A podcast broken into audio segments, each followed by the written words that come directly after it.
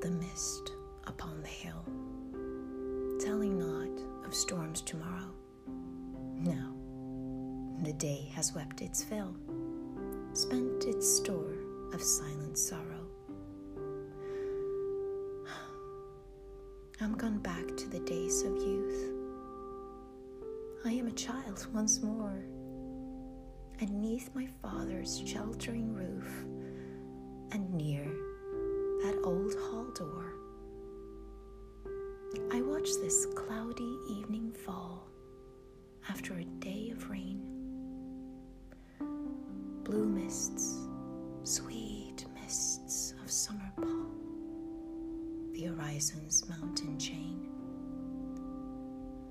The damp stands on the long green grass, as thick as morning's tears, and dreamy scents of fragrance pass that breathe of other years.